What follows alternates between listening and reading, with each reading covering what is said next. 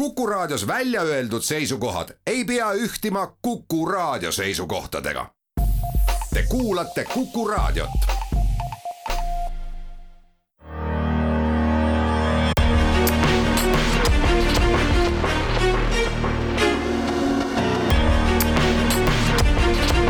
välismääraja tere pühapäeva hommikust, ere päike tervitab täna mina olen Neeme Raud.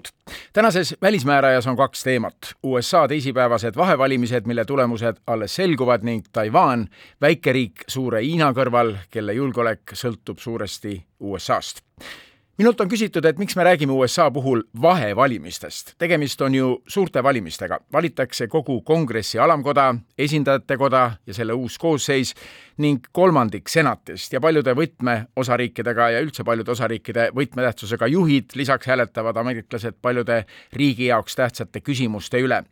vastus on lihtne. USA suurteks valimisteks peetakse iga nelja aasta tagant toimuvaid presidendivalimisi, kus otsustatakse, kes riigis, kus president on nii tseremoniaalne riigipea nagu meil siin Eestis, aga samas ka valitsuse juht, peaminister, selle koha siis saab ja hakkab nii suuresti riigi kurssi määrama presidendi nelja-aastase ametiaja keskel toimuvad valimised seega vahevalimised seekordsete valimiste tulemused alles selguvad. näiteks läinud ööl, kui suudeti lõplikult kokku lugeda Nevada osariigis antud hääled, tuli teade, et senat jääb siiski demokraatide kätte.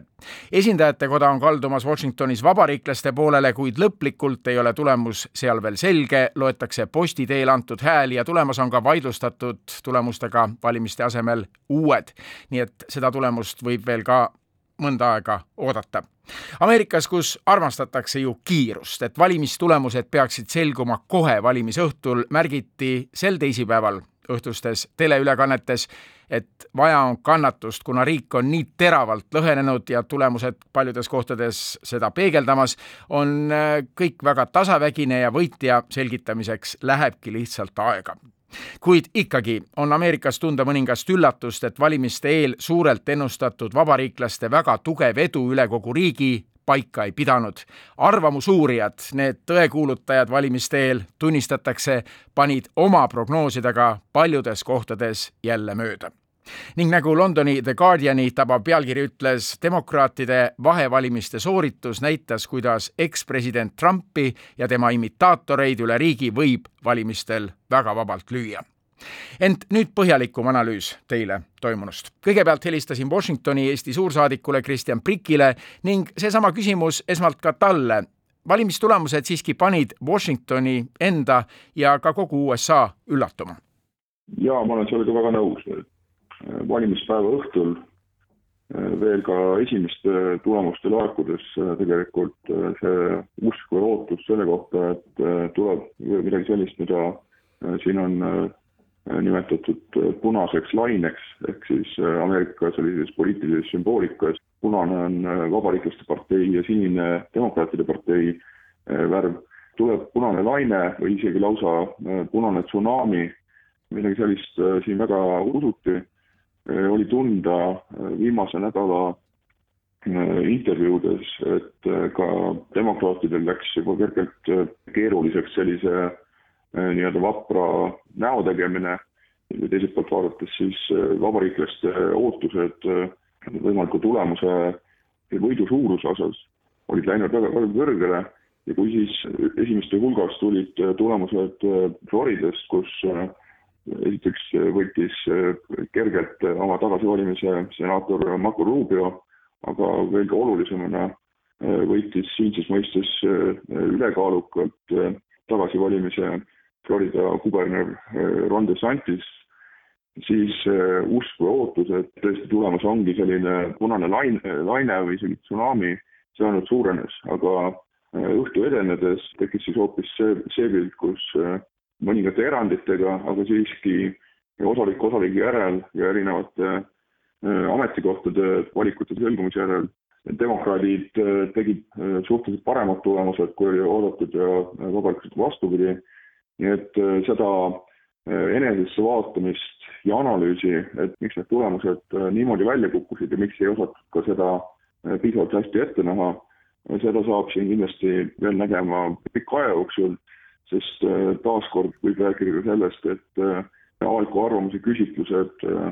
ei suutnud seda õiget sentimenti nende inimeste hulgas, kes reaalselt valima läksid,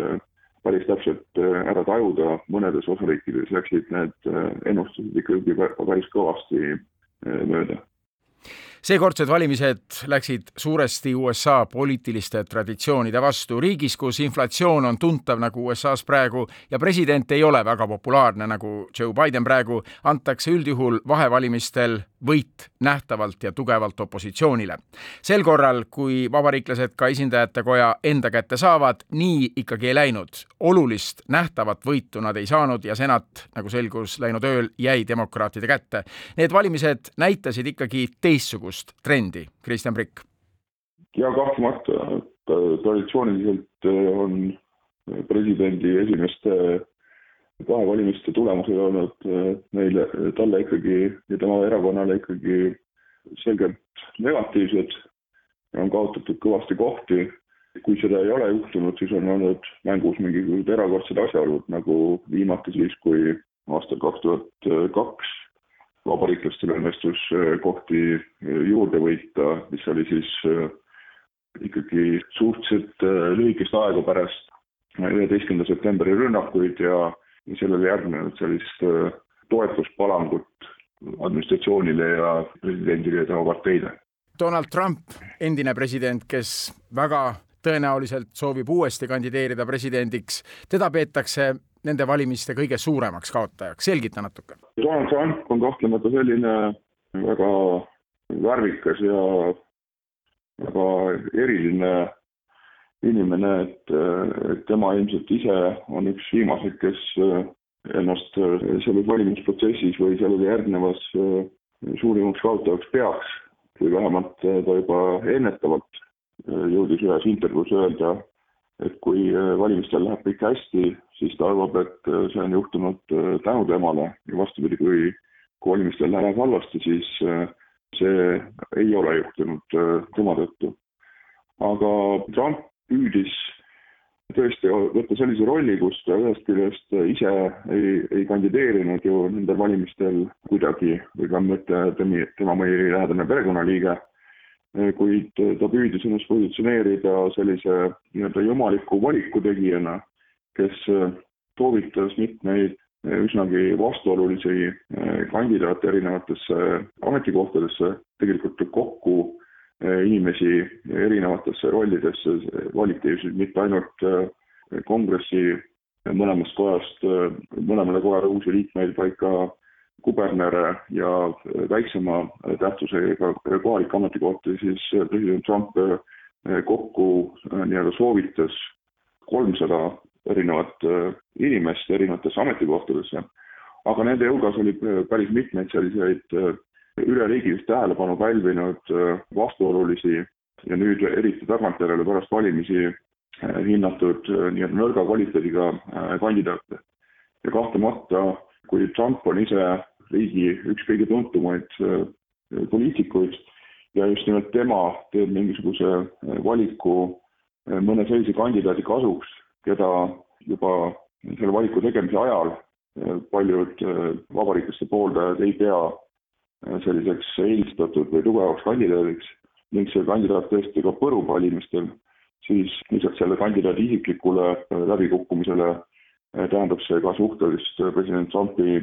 nii-öelda positsiooni nõrgenemist ja kahtlemata tänase päeva seisuga vähemalt on neid inimesi, kes Vabariikliku partei sees leiavad, et selles suhtelises ebaedus on kaalukas roll, kui mitte võtmeroll, olnud just nimelt president Trumpi valikutel, president Trumpi jällegi sellistel lõhestavatel seisukohavõttudel valimiste eel. Neid on päris palju, neid on palju rohkem varasemas, kes ütlevad et oma nime ja näoga, et partei vajab mingisuguseid muutuseid. ja veelgi rohkem on muidugi neid, kes seda on valmis taustal tegema anonüümselt. kui vaadata valimistulemusi siiski on täiesti hämmastav, et nii suur riik on niivõrd praktiliselt keskkohast lõhenenud, kuigi vabariiklased saavutavad ehk kongressi esindajate kojas enamuse, on see koda ikkagi praktiliselt lõhenenud, senat täpselt samamoodi, aga küsida võiks niimoodi, et kui vabariiklased nüüd ei saavutanud edu, protestihääletajaid oli siiski vähem, kes tahtsid protesteerida president Bideni ja võimul oleva kongressi, võimul olnud kongressi, noh, kongress on ametis veel jaanuari alguseni, nende poliitikate vastu, siis kes tagasid demokraatidele ikkagi selle, selle edu neil valimistel? räägitakse, et noored. Jah, kindlasti äh, noorte hulgas äh, demokraatide kasuks läksid äh, valikud üllatavalt tugevalt. see on jällegi üks, üks sellistest faktoritest, mis nagu mina olen tähele pannud, on just pannud eriliselt vabariiklaste toetajaid sellist nõutust välja näitama mis läks valesti, miks ei osatud ühest küljest tajuda neid noorte hoiakuid nii hästi, aga ka seda, miks ei osatud hinnata õigesti vast äh, seda noorte äh, mobiliseeritust või, või valmidust reaalselt valima tulla. lisaks on siin veel erinevaid gruppe, kelle puhul ilmselt ei ole veel selliseid lõplikke analüüse tehtud, aga kelle ühte või teistpidi liikumine lõpuks, lõpuks valgus oli, näiteks on ju kas või selle ülemkohtu hiljutise abordiootsusega seoses räägitud äh, tõenäosusest, et, äh, et nii-öelda äärelinnades elavad naised, kes on äh, viimaste valimiste ajal olnud sageli nendeks nii-öelda oma arvamuse erinevate parteide vahel muutjateks, et nende hoiakud võivad minna ja ilmselt olulisel määral läksidki demokraatlike kandidaatide kasuks või, või tihtipeale eh, võib-olla võib, võib isegi nii öelda, et eh, läksid mõne suhteliselt äärmuslikke vaateid esindanud vabariikliku kandidaadi vastu. eraldi küsimus, see on nüüd pigem jällegi teise märgiga, on näiteks Ameerika nii-öelda latiino kogukonna hääletushoiakute arengud ja muutumused, eriti puudutavad see Florida ja näiteks Texase nii-öelda Rio Grande oru valimistulemusi ja valimisaktiivsust, kus äh, demokraadid siin aastaid tagasi eeldasid, et, et latiino kogukond nii-öelda automaatselt pigem liigub nende suunas. praeguste viimaste aja trendide, trendide põhjal võib öelda ka seda, et, et see liikumine on pigem ka teises suunas, kus nii-öelda konservatiivsemad kandidaadid tihtipeale Ladina-Ameerika taustaga valijatel rohkem nii-öelda toetust, kui seda võib-olla varem tõenäoliseks peeti.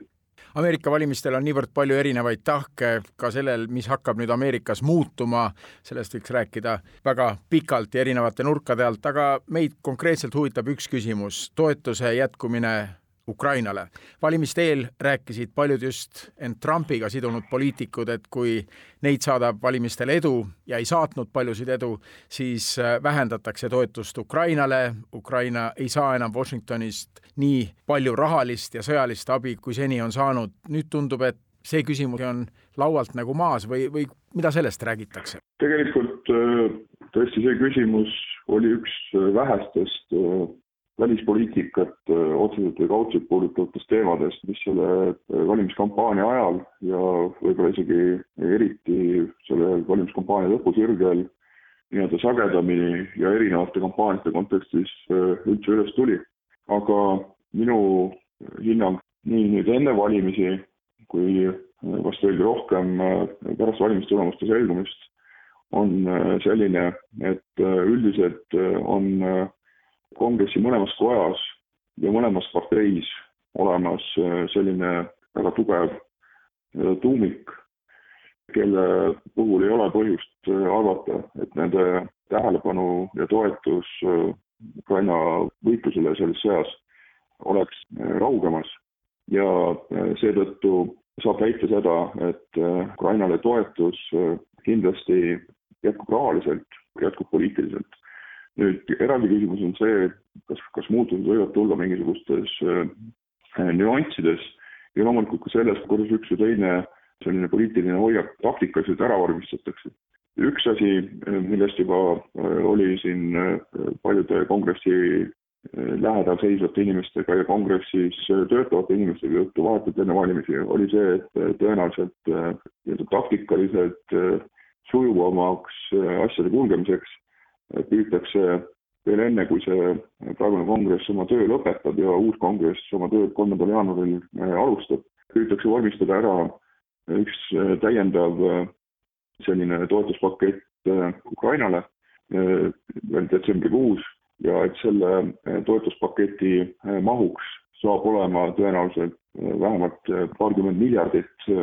USA dollarit millega vähemalt see ootus või, või lootus on see, et, et sellest abist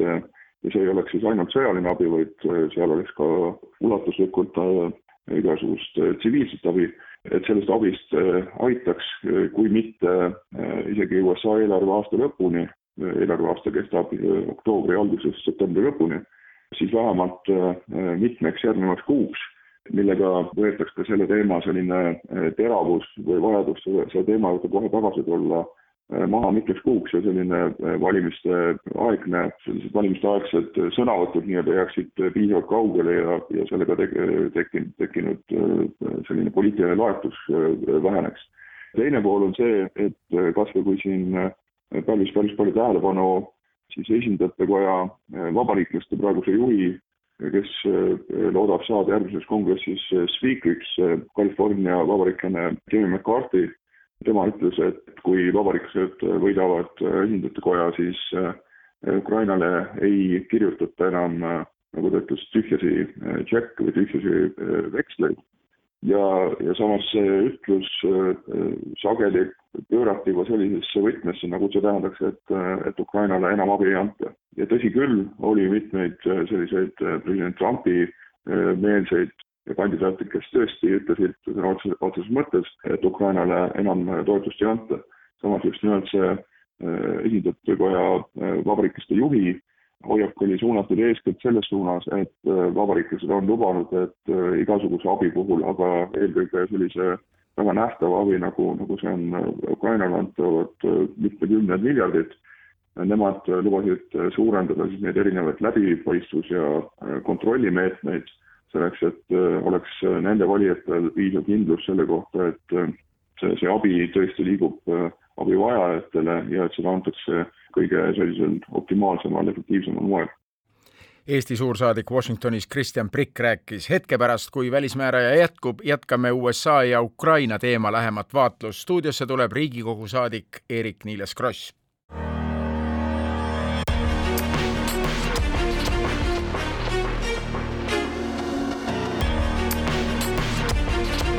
välismääraja USA-s teisipäeval toimunud vahevalimistel ei saatnud edu paljusid neist kandidaatidest, kes väitsid, et valimisvõidu järel kavatsevad nad hakata tegema tööd selle nimel, et Ühendriikide senine ulatuslik abi Ukrainale üle vaadataks. nüüd, kui valimised on läbi ja nagu Eesti suursaadik Kristjan Prikk just ütles, Ukrainale antava abi vähendamiseks Washingtonis enam tuliseid avaldusi ei tehta, kas see teema ongi nüüd maas, kas USA abi Ukrainale jätkub samas ulatuses. selle küsimuse esitasin Riigikogu saadikule Eerik-Niiles Krossile, kes rahvusvahelist julgeolekupilti jälgib ühest küljest võiks ju ütelda, et see äh, abi ärakukkumise oht, äh, millest räägiti, et juhul kui tuleb see kuulus punane laine ja vabariiklased võtavad äh, kõva ülekaalu nii kongressis kui senatis, mida ei juhtunud, eks. võiks öelda, et see oli natukene üle pakutud, sest tegelikult ikkagi nii vabariiklaste kui demokraatide, eriti demokraatide enamus toetab jätkuvalt Ukraina abistamist, on kogu aeg toetanud ja isegi kui vabariiklased oleks saavutanud enamuse, mina ei kuulu nende hulka, kes, kes ka varem arvas, et see oleks nüüd olnud katastroof Ukrainale. praegu muidugi on olukord Ukraina jaoks kindlasti parem, sest valimised näitasid, et muuhulgas see mm, no valimisloosung lausa, mis mõnel vabariiklasel, eriti ütleme, sellisel radikaalsemal Trumpi-meelsel tiival oli, et äh, võtame kõik raha ära ja me niisama mingit raha ei anna Ukrainale ja noh, nagu ka meil siin räägitakse, et paneme selle parem oma inimestesse. Äh, noh, see ei töötanud. tegelikult, kui vaadata USA valija hoiakuid, siis noh, üks väheseid küsimusi, kus äh, valijad on ühel meelel, demokraatide, vabariiklaste valijad mõlemad, kus ameeriklased ei ole lõhestunud, ongi just Ukraina abistamine. et Samas... see on umbes kaheksakümmend protsenti, nii et nüüd, nüüd äh, noh, läheb asi umbes samamoodi edasi, aga see ei tähenda muidugi seda, et, et, et see teema oleks maas, et, et tegelikult need eraldusjooned kui palju ja kas üldse võib-olla Ukrainat aidata, jooksevad mitte vabariiklased demokraadid, vaid need jooksevad erakondade sees. demokraatide seas ja võib-olla mitte niivõrd valitud kongressmenide, senaatorite hulgas, vaid pigem just valitsuse poole peal ametnike, kõrgete ametnike hulgas on palju neid, kes on, kes on märksa ettevaatlikumad selles asjas, kui on president Biden ise või kui on, ütleme, meiesugused riigid. Ettevaatlikumad siis, mispärast? no seal on, seal on palju põhjusi, esiteks tuleb muidugi mõista, et erinevalt äh, Venemaa naaberriikidest, kes vaatavad kogu olukorda ainult läbi oma julgeolekuprisma, arusaadavalt, noh, meile on see täiesti eksistentsiaalne küsimus, äh, Ukraina peab võitma, Venemaa peab kaotama, siis Ameerika vaatab ikkagi ju kogu maailma, vaatab seda pilti globaalselt ja seal on palju muid kaalutlusi. Ja meile tundub see tuumasõja ohujutt ka selline natukene kosmoses ja, ja selge see, et ütleme, meiesugusel riigil ei ole siin ka väga palju midagi teha sellega, et, et Venemaa ähvardab tuumarelvaga ja, ja kuidas vastata. no ameeriklased võtavad seda, kui nad on ikkagi ju otseselt selles mängus sees ja põhimõtteliselt, kui tõesti see väike, aga olemasolev tuumaoht realiseerub, noh siis tegelema peavad sellega ameeriklased, nemad peavad vastama, neil on tuumarelv ja nad vastutavad, järelikult tuleb, noh, tuleb aru saada, et et nende jaoks ei saa olla äh, selline teoreetiline jutt, vaid nad peavad iga päev praktiliselt mõtlema, kui tõsine see oht on ja mida see kõik tähendab. nii et on arusaadav, et nad äh, noh, päris lihtsalt ei löö käega, et venelased blufivad, aga seal on ka ilmselt sellist äh, hoiakut, ütleme, või kasutatakse seda kolmanda maailmasõja ohujuttu ettekäändena. on neid, kelle jaoks konflikt, nende, nende, nende sõnutsi siis jah, konflikt Ukraina-Venemaa vahel, noh, on, on lõpuks ikkagi sekundaarne, oluline on Hiina, olulised on on kogu see Vaikse ookeani ruum, kus on tegelik võimalikult suur globaalne vastasseis, Ameerika peab hoopis rohkem pöörama tähelepanu sinna ja nende huvi on võimalikult kiiresti see sõda lõpetada. Ja võib-olla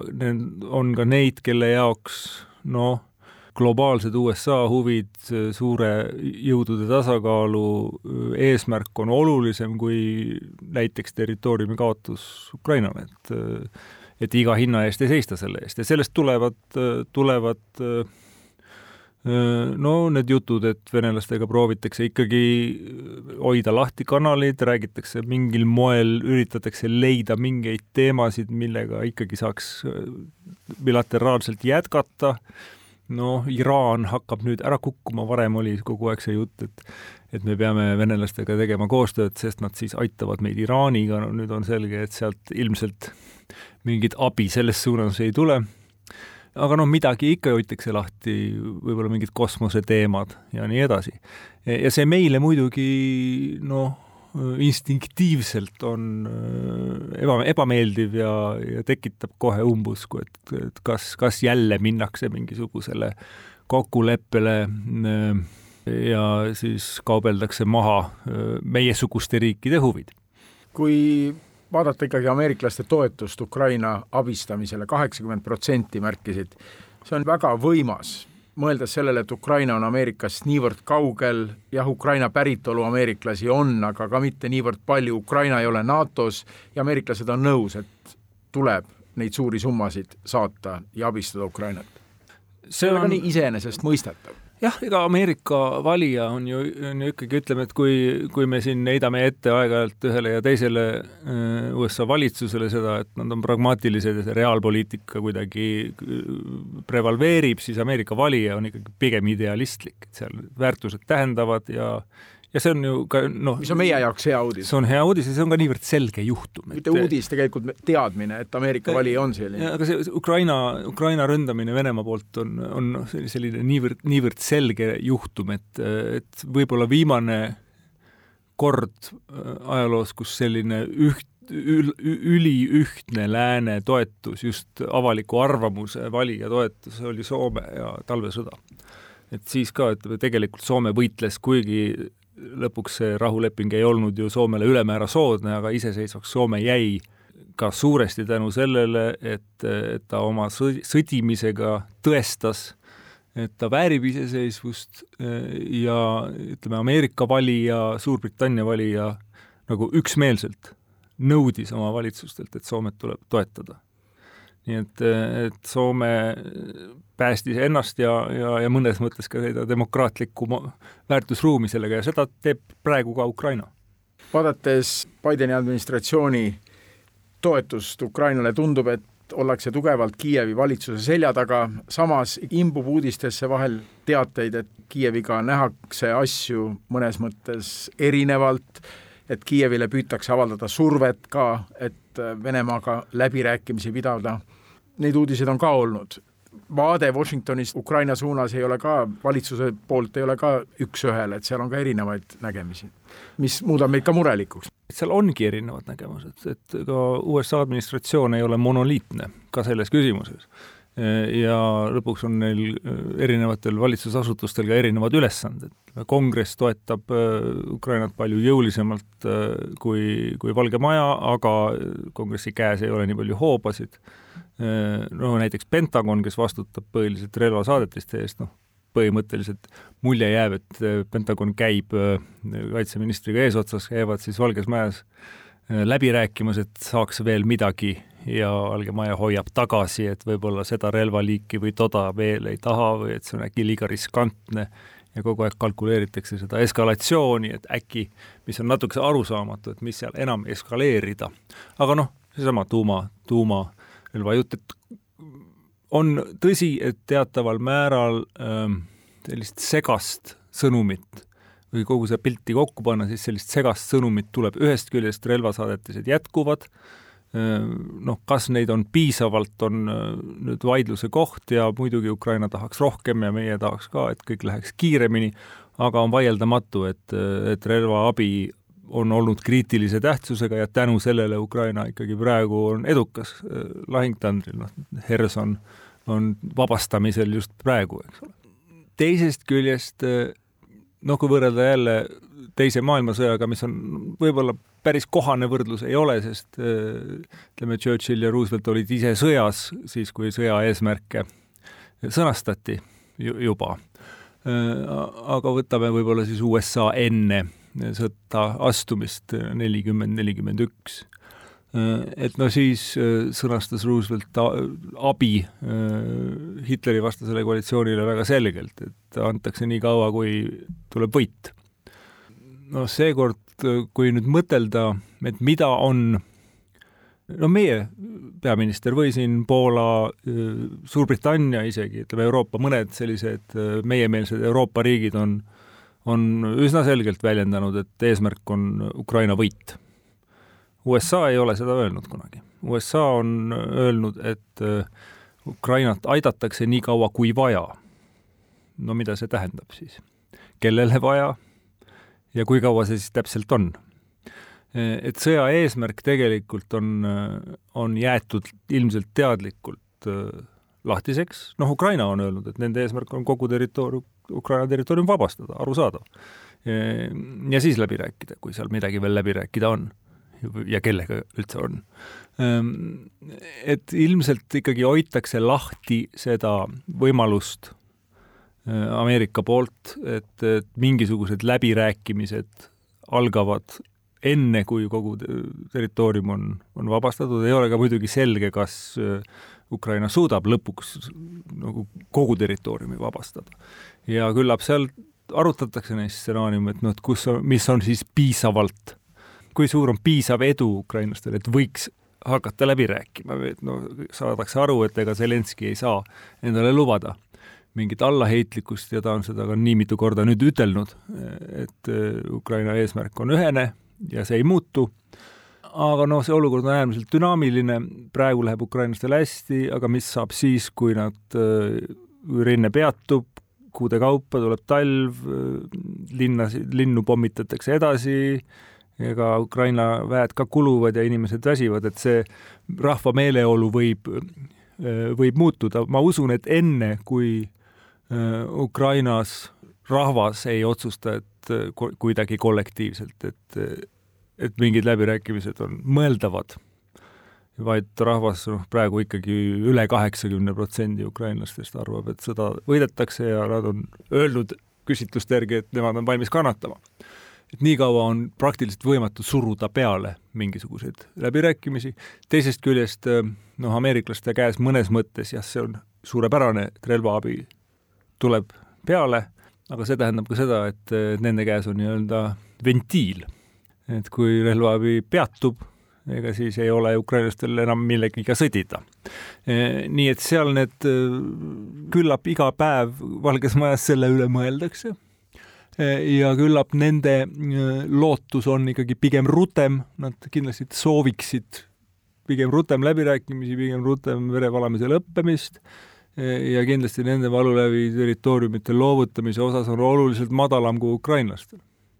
Ja meie huvides muidugi on, on ilmselgelt see, et et mitte mingil juhul venelane ei saaks territooriumi juurde nüüd selle sõja tulemusel, sest see lõppkokkuvõttes vaatamata inimohvritele ja muudele näiteks ikkagi, et sõjaga on võimalik, on võimalik mi-, midagi saavutada. sa nimetasid juba siin erinevaid mängureid USA pealinnas, kongress, kaitseministeerium, me ei rääkinud Välisministeeriumist ja me ei rääkinud Rahvuslikust Julgeolekunõukogust, mis on ka väga oluline Valge Maja poliitika kujundamisel. rahvuslik Julgeolekunõukogu ongi sisuliselt Valge Maja, see on siis põhimõtteliselt presidendi julgeolekunõustajate meeskond, keda juhib üks selline noor härra nimega Jake Sullivan kes tundub olema selline pehmema liini mees. teda on just näha olnud just neil kõnelustel, kui räägitakse, et Ukraina peaks mingisuguseid läbirääkimisi alustama no ta on siin ka vist tunnistanud, et ta, tal on jätkuvalt äh, kanalid lahti Moskvaga, et ta Patrusheviga räägib. no mis mõnes mõttes äh, on arusaadav, ega ta seda Bideni selja taga ei tee. aga, aga jah, ütleme, tema tundub olema see mees, kes äh, tahaks kokkulepet näha pigem rutem kui hiljem ja tema jaoks võib-olla jääb mulje, et kokkulepe on olulisem kui Ukraina võit. ja sealt võib-olla jooksebki see veelahe, et ja ta on presidendile väga lähedal? no ta on presidendi usaldusisik väga paljudes küsimustes jah, ja, ja mõne, mõneti tundub, et see, just see Ukraina poliitika pool on, on suurel määral tema käes, et kui noh, Pentagon või sõjavägi paneb kokku ettepanekuid, et milliseid relvi võiks saata, mis järjekorras ja mismoodi, siis siis Sullivanist mööda ei lähe ükski toru Ukrainas, et tema ütleb, et kas, kas see laskeulatus on liiga palju või liiga vähe Eerik-Niiles Kross, Riigikogu saadik, rääkis. kui välismääraja jätkub, räägime väikesest riigist, mis on suure kõrval, kes kõneleb pidevalt soovist ta üle võtta ja kelle julgeolek sõltub suuresti USA-st. Taiwanist. stuudiosse tuleb Rahvusvaheliste Kaitseuuringute Keskuse teadur Ivo Juurvee, kes äsja Taipeis käis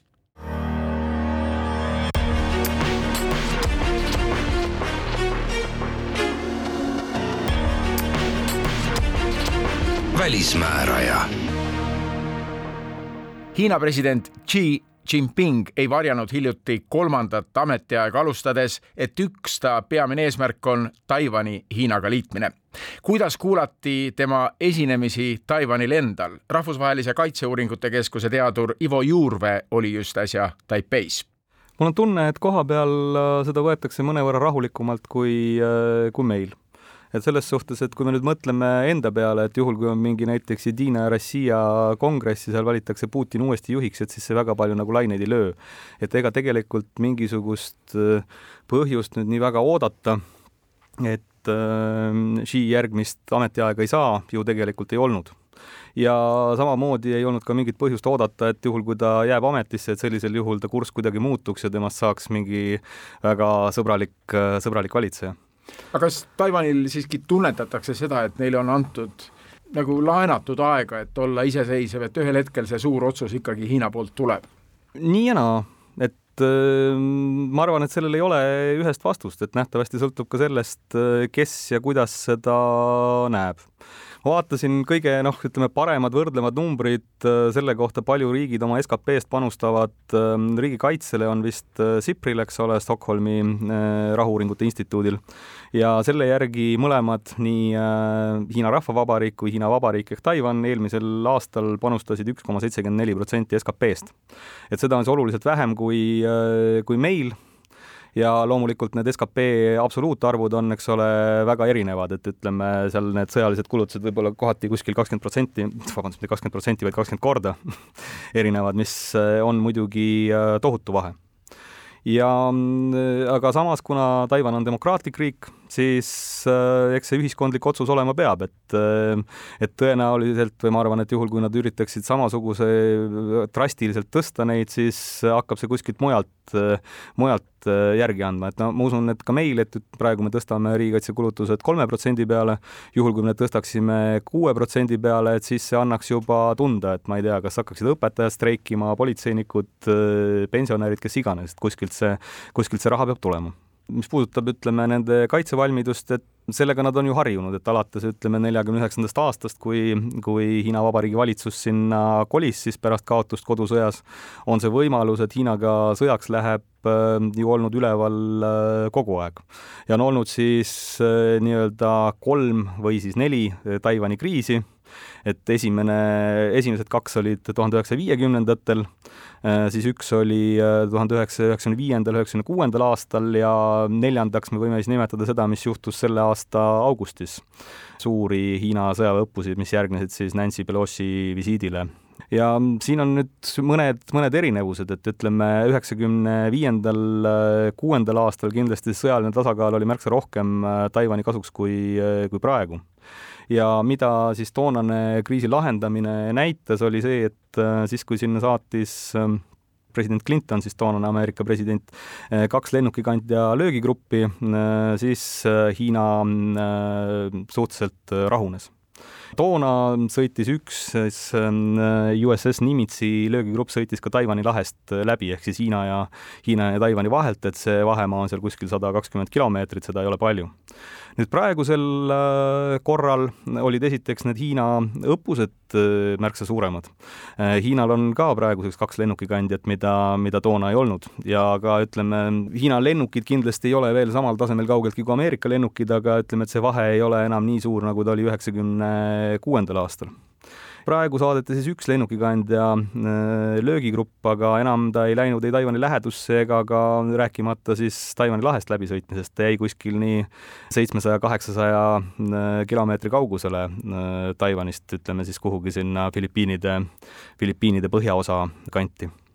Ja need õppused muidugi olid ka märksa agressiivsemad, et lasti välja, eks ole, ballistilisi rakette, erinevad allikad ütlevad, kas siis üksteist või, või neliteist, mis võib olla ka natuke vassimist, aga ühesõnaga üle kümne,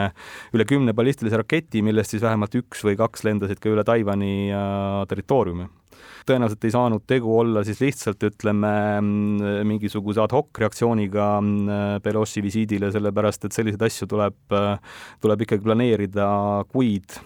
kuid ette, et seal neid sõjalennukeid, mis nendest manöövritest osa võtsid, oli üle saja seitsmekümne, nelikümmend üks laeva, eks ole, kakssada mm, lennukikandja gruppi, nii et selline suur asi, et pigem võib-olla oli tegu planeeritud õppustega, mida, mida siis ajastati vastavalt Pelosi visiidile, et saada see poliitiline kasu sealt ka äh, maksimaalselt kätte. Nancy Pelosi USA esindajate koja liidri, vähemalt praegu kuni jaanuarini liidri visiit Taiwan'i saarele pälvis suurt tähelepanu ja see oli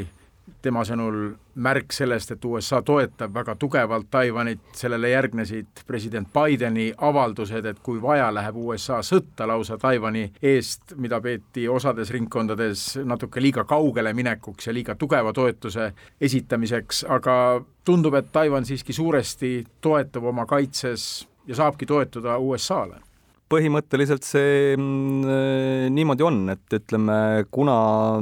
Hiina võimekused on järjest suurenenud, eriti eks ole,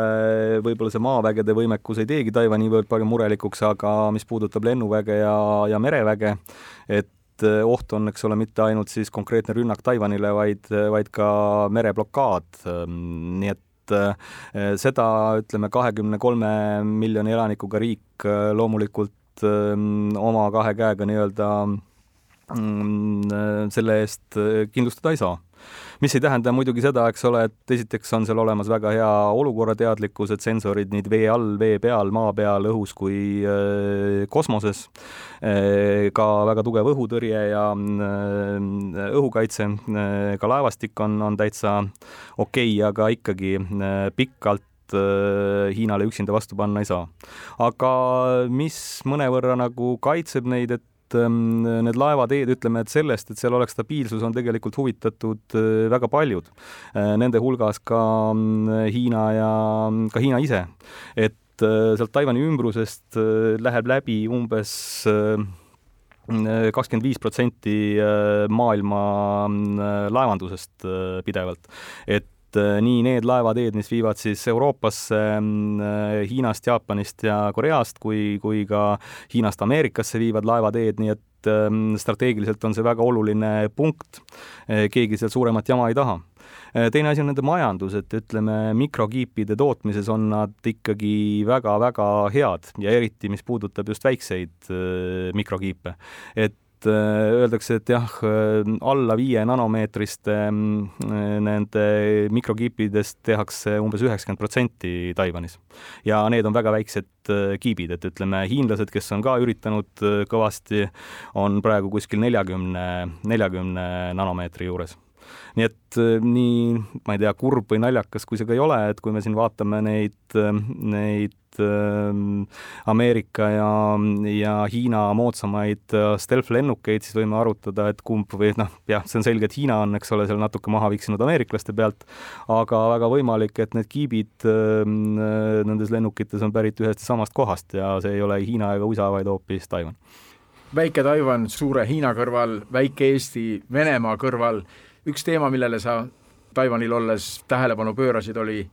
elanikkonnakaitse, tsiviilkaitse võimaliku ohuolukorra, kriisi korral, mida meil oleks Taiwanilt õppida? ma arvan, et, et päris palju, et meil tegelikult on ju üldiselt äh, vedanud, et et ega meil siin äh, suuri looduskatastroofe äh, tegelikult ei ole, et ütleme, see Pärnu torm, mis oli kahe tuhande viiendal aastal, äh, kus oli ka üks inimhukkunu, eks ole,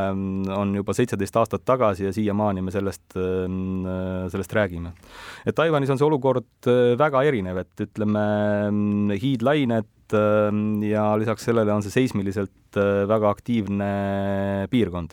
et maavärinaid, väikseid maavärinaid on seal, eks ole, pidevalt ja ka suuremaid on siin mõne viimase aasta jooksul ikkagi olnud, et äh, kas isegi sellel aastal jah, üks sild äh, Lõuna-Taiwanil kukkus kokku ja ja mõned aastad tagasi sai sada seitseteist inimest äh, surma. Need on looduskatastroofid, aga kui me räägime konkreetsest võimalusest, et algab sõda,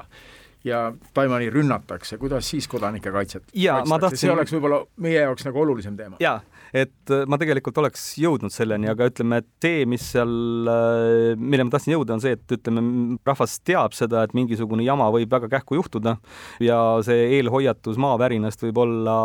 mõnikord, eks ole, paarkümmend sekundit, mis on oluliselt vähem kui, kui näiteks äh, eelhoiatus tiibraketi puhul. nii et see, et tuleb olla valmis kuhugi siis kaitstud kohta liikuma, ei ole nende rahva jaoks kaugeltki uudis Äh, teine asi, mida tehakse, on see, et äh, seda ka harjutatakse pidevalt, et kindlatel päevadel on siis juba aastakümneid, ma ei tea küll, kuidas nad seda koroona ajal tegid või kas tegid, aga on üldiselt juba, juba paarkümmend aastat, et seal aastatuhande algusest viidud läbi siis nii looduskatastroofi õppusi kui ka õhurünnaku õppusi. mis tähendab, et tänavad peavad sellel ajal olema tühjad seda nad ka valdavalt on ja äh, võib-olla peale mõne väheste turistide, kes kuhugi ära eksinud on, keda siis äh, politsei ja sõjaväepolitsei turvalisse kohta aitavad. ma arvan, et Äh, see on suhteliselt hea mõte, eks ole, et ütleme näiteks selles suhtes, kuna ta on äh, iga aasta kindlal päeval, siis ei tekita see inimestes paanikat, kui nad neid äh, sireene kuulavad ja, ja see tekitab pigem nagu harjumuse ja võib-olla, võib-olla või noh, tõenäoliselt peaks olema siis kasuks ähm, sel ajal, kui see häire nagu päriselt tuleb. loomulikult on neil olemas ka mm, õhukaitsevarjendid, kui heas korras nad on, ma ei oska öelda, aga põhimõtteliselt mobiiliäpilt saab seda siis näha ja ja see sind ka kõige lähimasse mm, varjendisse juhib. kui sa ütlesid, et oled Eestist, kas tuli jutuks ka see, et oi, Balti riikidest, Balti riigid on korraga Taiwanil rohkem tuntud kui varem ilmselt tänu sellele, et Leedu on nendega arendanud otsesidemeid väga tugevalt, millele Hiina on negatiivselt reageerinud. kas kuidagi seda ka märgati? tegelikult äh, mitte väga, et minuga oli küll kaasas üks leedulane ka, aga, aga ma nagu ei märganud, et ta oleks erilist äh, tähelepanu äh, selle tõttu just saanud. E,. mis neile küll väga huvi pakkus, oli äh, NATO, et äh, kuidas see toimib ja ütleme, neile väga, eks ole, imponeerib see, et on, on suured ja väikesed ja ja rünnak ühe vastu on, on rünnak äh, kõikide vastu, aga noh, paraku jah, praktilistel põhjustel on neil seda väga keeruline mingit sarnast allianssi mm, sealkandis äh, moodustada rahvusvaheliste Kaitseuuringute Keskuse teadur Ivo Juurvee rääkis. välismääraja teemad on tänaseks ammendatud, ilusat selle erakordselt kena, soojapoolse ja päikeselise hilissügise jätku on ju novembri keskpaik ja lund ei ole me veel näinud. seda tuleb nautida